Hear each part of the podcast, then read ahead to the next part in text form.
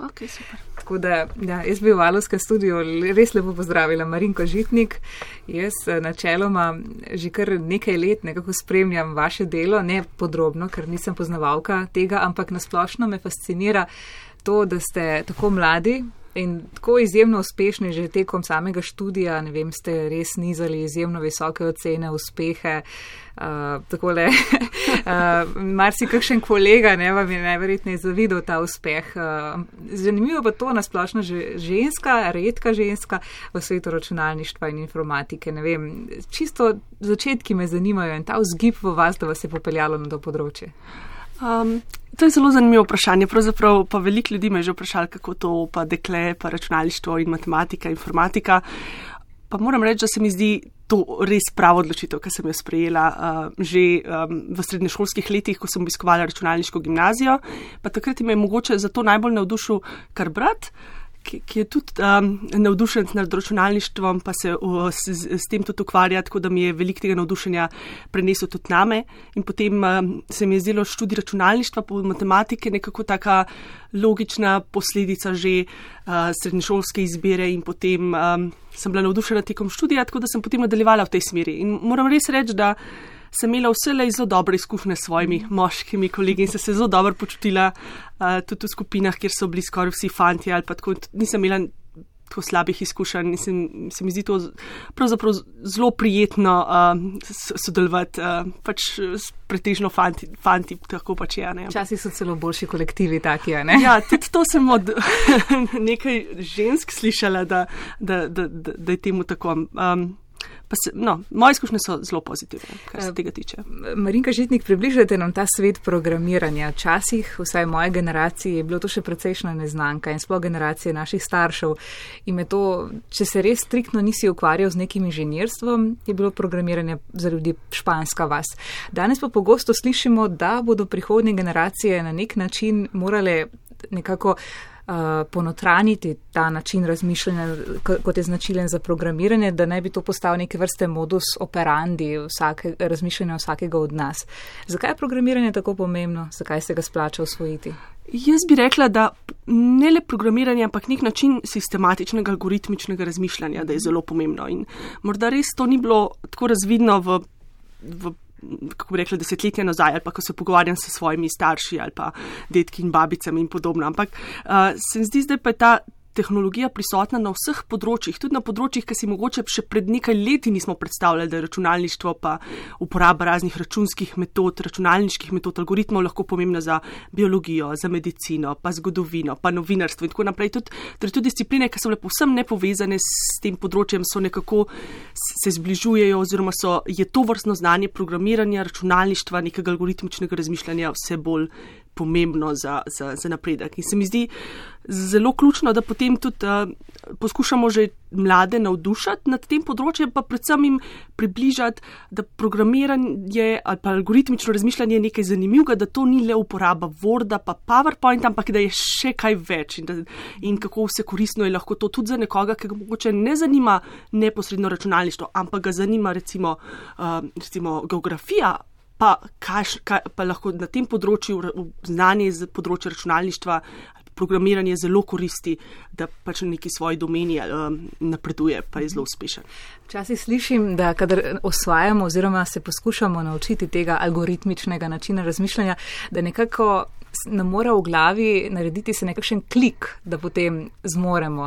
Do, do tega klika se mučimo, uh, ubadamo, krožljamo možgane in tako naprej, potem je pa vse skupaj steče. Ste imeli vi kakšen takšen klik poseben, da se vam bo potem stvari postale res kristalno jasne? Ja, se mi zdi, da je bilo to že kar precej zgodaj, zato ker sem že zgodaj začela razmišljati o tem, am, ampak bi zagotovo rekla, da je na začetku pač potreba nek uložek, nek trud, nek, nek, mora se nekdo mal seveda razmišljati o tem, zato govorimo o algoritmičnem razmišljanju. Um, se mi zdi pa, da veliko pomoč na tem področju so zagotovo lahko um, odlični profesori, ki jih imamo tudi tukaj na fakulteti za računalništvo in informatiko, pa določene srednje šole so postali že zelo aktivne ali pa v telo osnovne šole v smislu um, takega načina poučevanja. Pa potem seveda imamo tukaj internet, kjer lahko pravzaprav vsakdo dostopa do odličnih vsebin. raznih mukov, kot so Coursera, Ethics, podobno, kjer je možno dostopati do čečajev programiranja, bodi si začetniških, bodi si bolj naprednih, ki so brezplačni in dostopni vsakomor in so vrhunski tečaj iz vrhunskih univerz. Uh -huh. Tako da, ja, je pa potrebno vložiti nekaj truda in časa. In, ampak bi, bi rekla, da je izplen tega vložka lahko bistveno večji od tega začetnega, um, um, začetnega truda, ki ga mora posameznik vložiti, da, da neko svoj uh, tak način razmišljanja. Vaš izplen je bil vsekakor velik, uh, nekako nas popeljite. Meni ste izjemno visoke ocene ne? in tudi visoko ste kotirali na vseh teh tekmovanjih ali kakorkoli. Predstavite nam to področje. Uh, Marin, vedno sem imela v glavi Marinka Žitnik, najboljša študentka v letniku in tako naprej. Ja, to se je začelo pravzaprav predvsem na, ključ, eh, predvsem na ključno sem. Vedno razumela jaz, da se ocena, mora, dobra ocena mora priti sama po sebi, če nekdo dobro dela.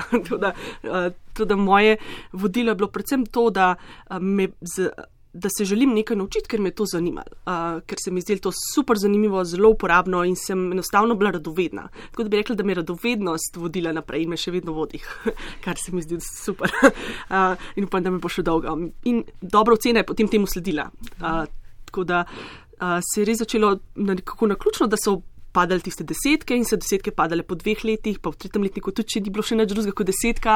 In potem na koncu uh, so, so, so bili že drugi nervozni, kaj pa bo, kaj se bo pa zdaj zgodilo po zadnjem letniku. Pa Ampak pač zaključil se, je, uh, zaključil se je s tistim povprečjem deset na, na, na fakulteti za računalništvo in fakulteti za matematiko v Ljubljani.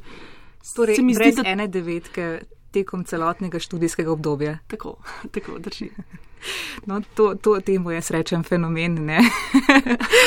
Ampak potem pa gremo naprej. Ne? Tako se si sprašujemo, ne? kaj pa bo potem iz takega človeka, kam vas je potem podpeljala. Zdaj ste na Stanfordu v Ameriki. Tako, zdaj pravzaprav na Stanfordu. Uh, s, Opravljam podoktorsko, podoktorski študij, oziroma sem podoktorska raziskovalka, kjer delam na oddelku za, na oddelku za računalništvo s, uh, in sicer pri, v skupini uh, Jureta Leskovca. Uh, predtem sem doktorski študij končala v Ljubljani, uh, v laboratoriju za bioinformatiko. Um, Kjer sem imela odlične mentorje, predvsem uh, moram tukaj izpostaviti uh, Blaža Zupana, s katerim mm -hmm. sem sodelovala že tekom do diplomskega študija uh, in me pritegnil v to področje bioinformatike, računske biologije, s katerim se ukvarjam tudi zdaj na Stanfordu in nadaljujem in, uh, dodatne raziskave. Tako da bi rekla, da mogoče ključno je predvsem to, da človek počne tisto, kar ga zanima.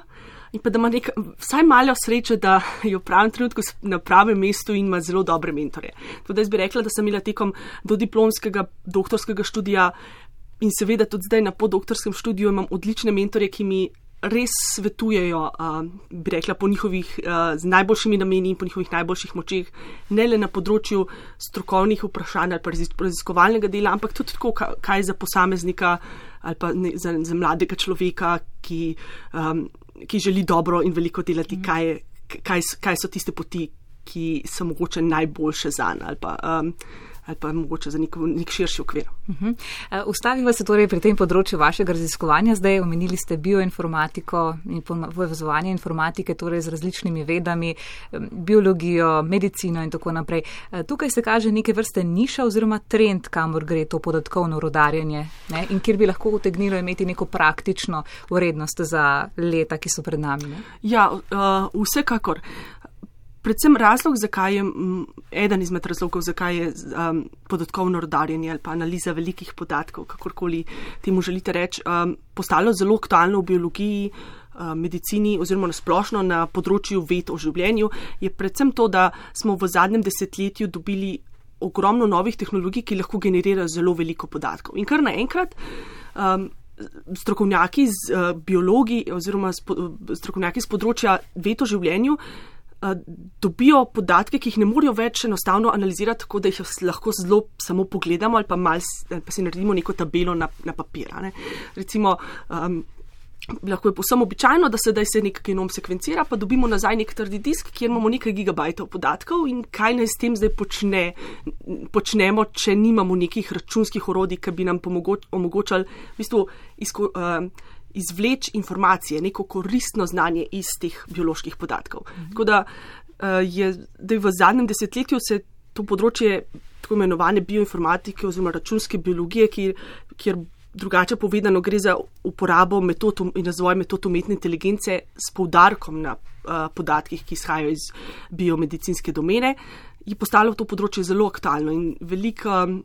Se mi zdi, da je veliko priložnosti za raziskovalce, uh, predvsem pa, kar je ključno tukaj, je veliko priložnosti, da naredimo zelo veliko dobrega. Naprimer. Uh, na, naprimer, uh, ne omenim dva primera. Torej, uh, prvi primer ki je mogoče zanimiv za vsakega poslušalca, ker se tiče pravzaprav vsakega posameznika, je zagotovo uh, smer personalizirane medicine uh, oziroma med, pris, raz, uh, razvoja, razvoja pristopov, ki, ki nam pomagajo za zdravljenje raznovrstnih bolezni, ki so v nekem smislu personalizirani, prilagojeni za posameznika. Mhm. Kaj, kaj s tem pravzaprav čisto mislim?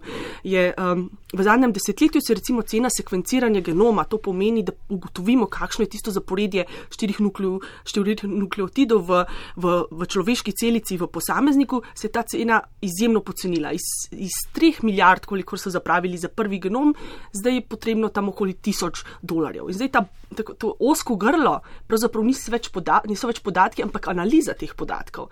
Torej, ko pa ta genom imamo, torej za posameznika, za poredi nekih teh nukleotidov, nas pa zanima, ali so kakšne mutacije prisotne, ki nakazujejo um, razvoj neke bolezni v prihodnosti ali pa povečano tveganje za uh, recimo razvoj, um, razvoj raka ali pa določenih uh, srčno-žilnih bolezni ali pa um, nekih genskih uh, bolezni, ki bodo prisotne v družini in podobno. In, in to pravzaprav omogočajo računske metode, ki si jih razvijamo uh, na področju bioinformatike, računske biologije, odgovarjati na take vprašanja. In si lahko predstavlja, da vsak posameznik, da je to nekaj izjemno koristnega v smislu, da potem uh, lahko zdravniki in strokovnjaki tega področja področja uporabljajo te računske metode kot način, da usmerjajo njihovo delo, da jim svetujejo, mogoče določene zadeve predlagajo ali pa neke hipoteze spravijo na površje, govorijo glede. Glede na to, kakšno diagnozo so imeli podobni pacijenti v preteklosti in katere zdravila so ti podobni pacijenti dobili v preteklosti in kako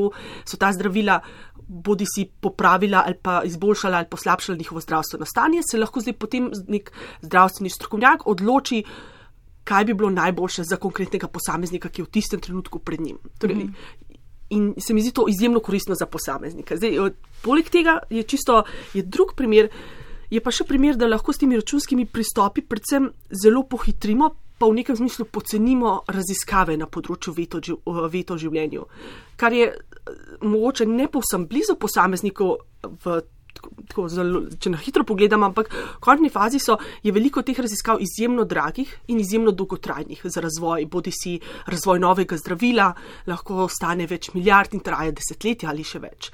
In Računski pristopi omogočajo, da morda neke biološke hipoteze, ki so bolj obetavne v smislu, da so kažejo na smer, ki morda bo vodila do hitrejšega razvoja zdravil. Računske metode te hipoteze vnaprej lahko identificirajo in strokovnjakom z določenega področja predlagajo, morda bi pa ta prostor hipotez ali pa te kemikalije bile bolj učinkovite v smislu zdravljenja. Mhm. In v tem primeru je potem lahko razvoj se bodi si bistveno skrajša, lahko pa tudi postane bistveno cenejši, kar je v končni fazi spet zelo dobro za, za vsakega izmed nas. Torej ste vi na nek način taki podatkovni rudarji, res bomo uporabili ja. to, ki v množici res teh podatkov za tiste, ki nekako ne spregledamo poti in vzorcev v njih, stojite kot z nekakšno lučko in pokažete, to je pomembno, to oborite na plan, na površje in tako naprej. Ja, to, to, je, to je zelo, zelo, uh, zelo odlična prispodoba, bi rekla. Torej, ideja je, kako zdaj te množico podatkov, ki sami po sebi so neki znaki, neke številke, osmisliti uh, in kako lahko to množico podatkov izkoristimo, da napovemo določeno zadevo, bodi si v smislu. Um, um, Katero zdravilo bi bilo najbolj učinkovito, da zmanjšamo straške učinke, da izboljšamo uh, prognozo uh, oziroma um, preživetje nekega pacijenta, ali pa kako čim bolje do razvoja neke nove kemikalije, ki je zanimiva za trg pri tej besedi napovemo, bom še malce ustrajala. Si, na primer, Marinka Žitnik, upate napovedati 20-30 let od zdaj s tem pohodom podatkov, podatkovno, podatkovnega rodarjenja in tako naprej. Um, kam vse lahko pridemo v nekaj desetletjih, uh, na kak način bi nam lahko ti podatki služili in obenem predstavljali nevarnost? Ja, to je, to je pravzaprav zelo dobro vprašanje.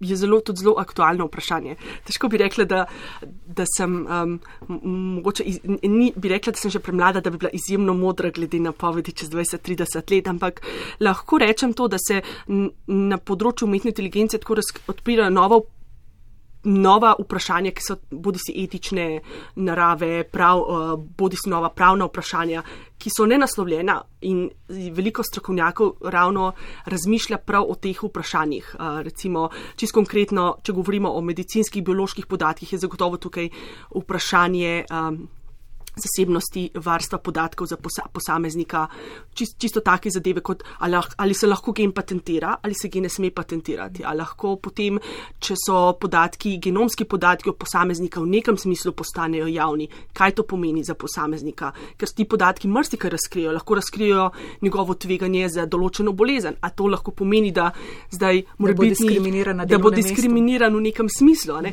Um, tako da tukaj je veliko vprašanj, In na marsikatero vprašanje še ne vemo po posameznih odgovorov.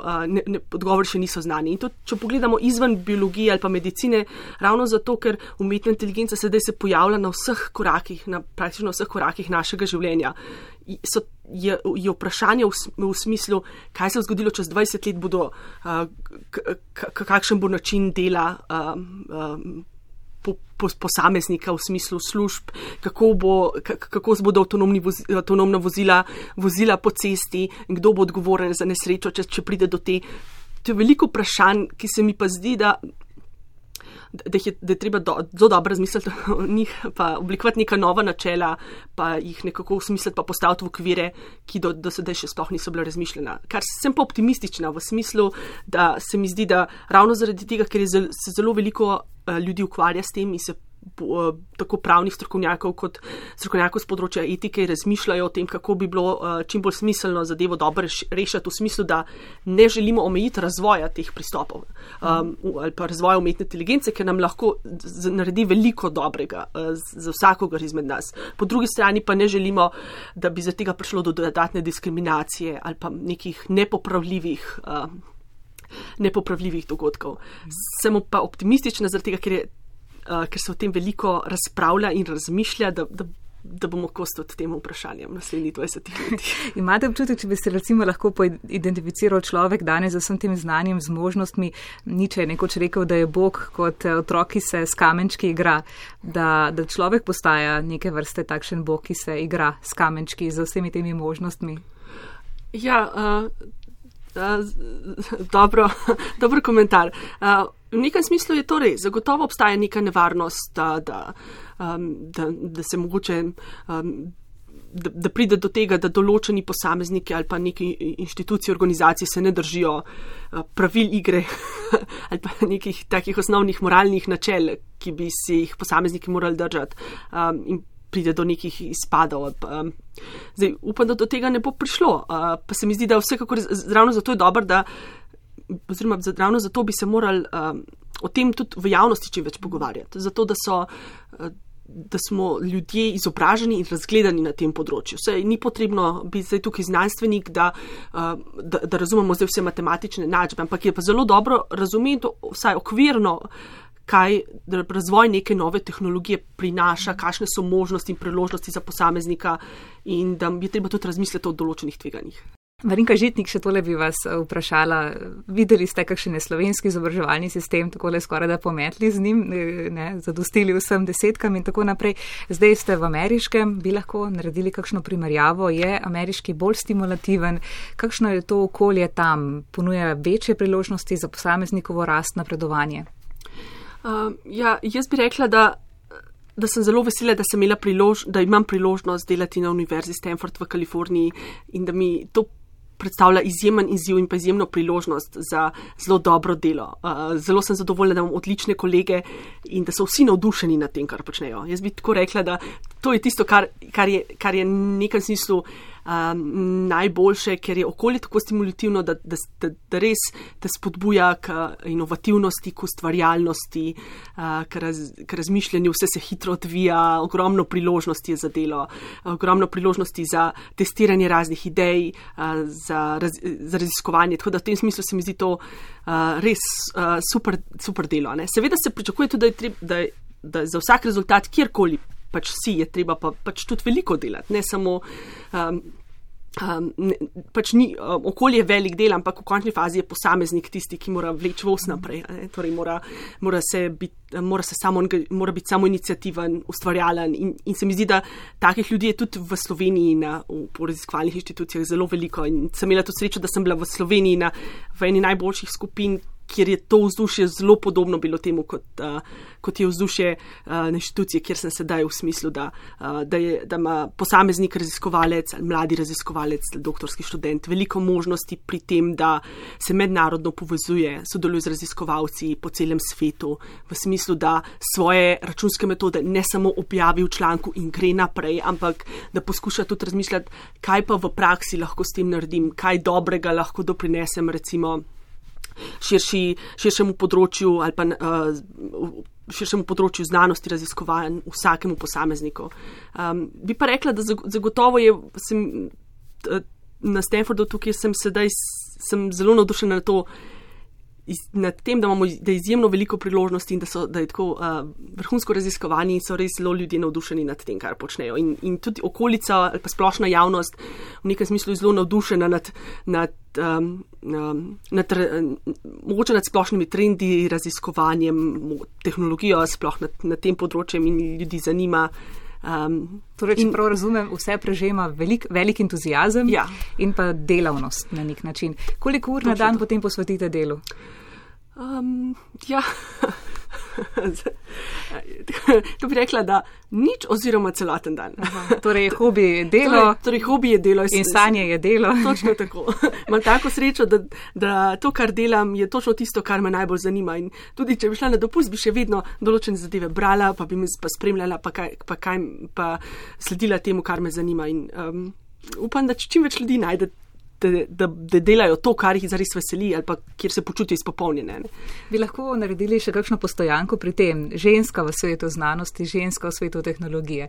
A, se počutite kdaj kakorkoli diskriminirano, pozitivno diskriminirano, kakorkoli ali so meje že toliko zabrisane, ljudje toliko dorasli, da ne razlikujejo več med spoloma?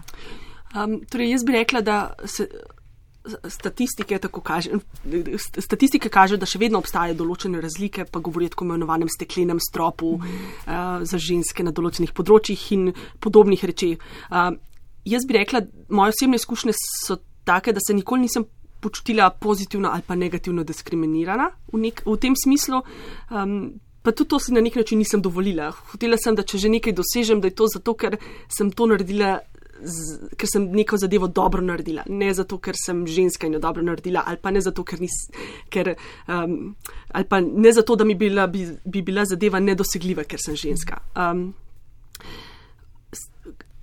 stanje se izboljšuje, to je dobro. Uh, predvsem v Sloveniji se mi zdi, da tega sploh ni. Uh, oziroma, se tudi po lestvicah, če se ne motim, je Slovenija v smislu um, deleža. Um, dolarja, ki ga dobi ženska proti moškemu, ena izmed prvorangiranih držav, mm. najboljš rangiranih držav na svetu, kar se mi zdi sploh super.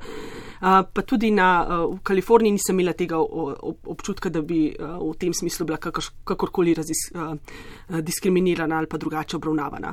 Uh, kar se mi zdi pozitivno, je tudi to, da, ogrom, da, se da se na tem področju veliko dela. V smislu, da je veliko delavnic, um, raznih izobraževanj ali pa programov, ki poskušajo poskušajo na področju, kjer je žensk zelo malo, privabiti dekleta, da bodo bodi si študirali računalništvo, se ukvarjali z računalništvom ali pa temi področji, kjer je, področji, kjer je malo žensk, se ukvarjali raziskovalno. In se mi zdi to zelo dobro in ljudje se zavedajo, da je to pomembno. Zato, ker um, če samo pogledamo, da je polovica uporabnikov. Uh, morebitnih uporabnikov določenih mobilnih aplikacij, da, to, da so to ženske, da mogoče se, je smiselno tudi njih vključiti v razvoj in testiranje in uh, um, razmišljanje o razvoju potem teh mobilnih aplikacij, ker lahko razmišljajo o tem. Včasih je recimo za ženske značilen ta bolj holističen pristop in dan danes mnogo skupin, raziskovalnih skupin, ki so tako multidisciplinarno naravnane zlasti na področju umetne inteligence, zdaj spreminjajo, ker je bilo v njih preveč moških, preveč tipičnega moškega moškega razmišljanja in so nekako zadeli ob eh, trden zid in tako, zato novačijo noter ženske, da nekako prezračijo vse skupaj in nekako oberejo drugačen pogled. Ste vi kdaj že svojim moškim kolegom uh, pomagali pri kakšni eureki, torej spregledanju kakšnega pomembnega trdnega oreha, da ste ga strli ravno s svojim pristopom?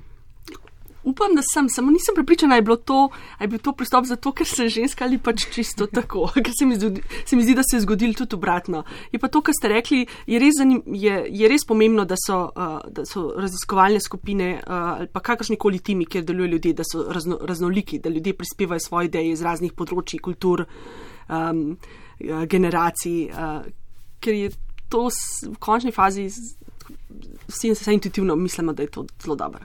Ker smo radio, še tole vprašanje, kaj poslušate, kakšno glasbo, kakšne podkaste, morda kakšne torej vsebine absorbirate kot poslušalka, če? Uh, ja, moram reči, da sem navdušena uh, poslušalka zelo veliko ali pa pred, predvsej podkastov. Um, potem spremlja, uh, spremlja tudi vaš radio, seveda, pa MP, NPR. Mhm. V, med podcasti um, pa sledim. Um, precej um, podcaste z področja umetne inteligence, um, uh, razne diskusije o tem, uh, kam nas vodi razvoj tehnologije, katere tehnologije so najbolj zanimive. Um, da, podcasti so mi res uh, od, odlična. Torej, nekako možnost. ne skrenete z tega področja umetne inteligence, tega, kar vas dejansko profesionalno zanima, ampak če vendarle za konec najdeva kakšen tak otoček v tem oceanu, ki vas zanima, da pa vendarle ni povezan z umetno inteligenco, ni povezan s podatkovnim rodarjenjem, ni povezan z računalništvom in informatiko, kaj še počne Marinka Žitnik ob vsem skupaj.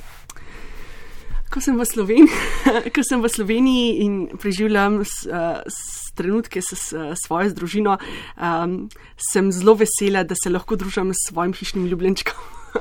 uh, in sicer to je trenutno tak uh, zelo prijeten maček, ki sicer. Um, Uh, je še malček, pa zato še malo grize, ampak uh, sem, mi to zelo popestri, da je njegova uh, živahnost. Ampak uh, nima kakšnega algoritmičnega imena. Nima algoritmičnega imena, tako zelo tipično slovensko človeško ime. Kam boste šli najprej, ko pridete v Stanford, nazaj, vračate se čez nekaj dni? Um, torej, vr, ja, vračam se čez nekaj dni, kar pomeni, da bom potem že uh, dan kasneje uh, na delovnem mestu z, uh, z veliko novimi uh, idejami, ki sem uh, si jih nabrala v preteklih uh, dneh in pa z, um, z novimi sestanki in raziskavami. Tako da bo veselo in živahno.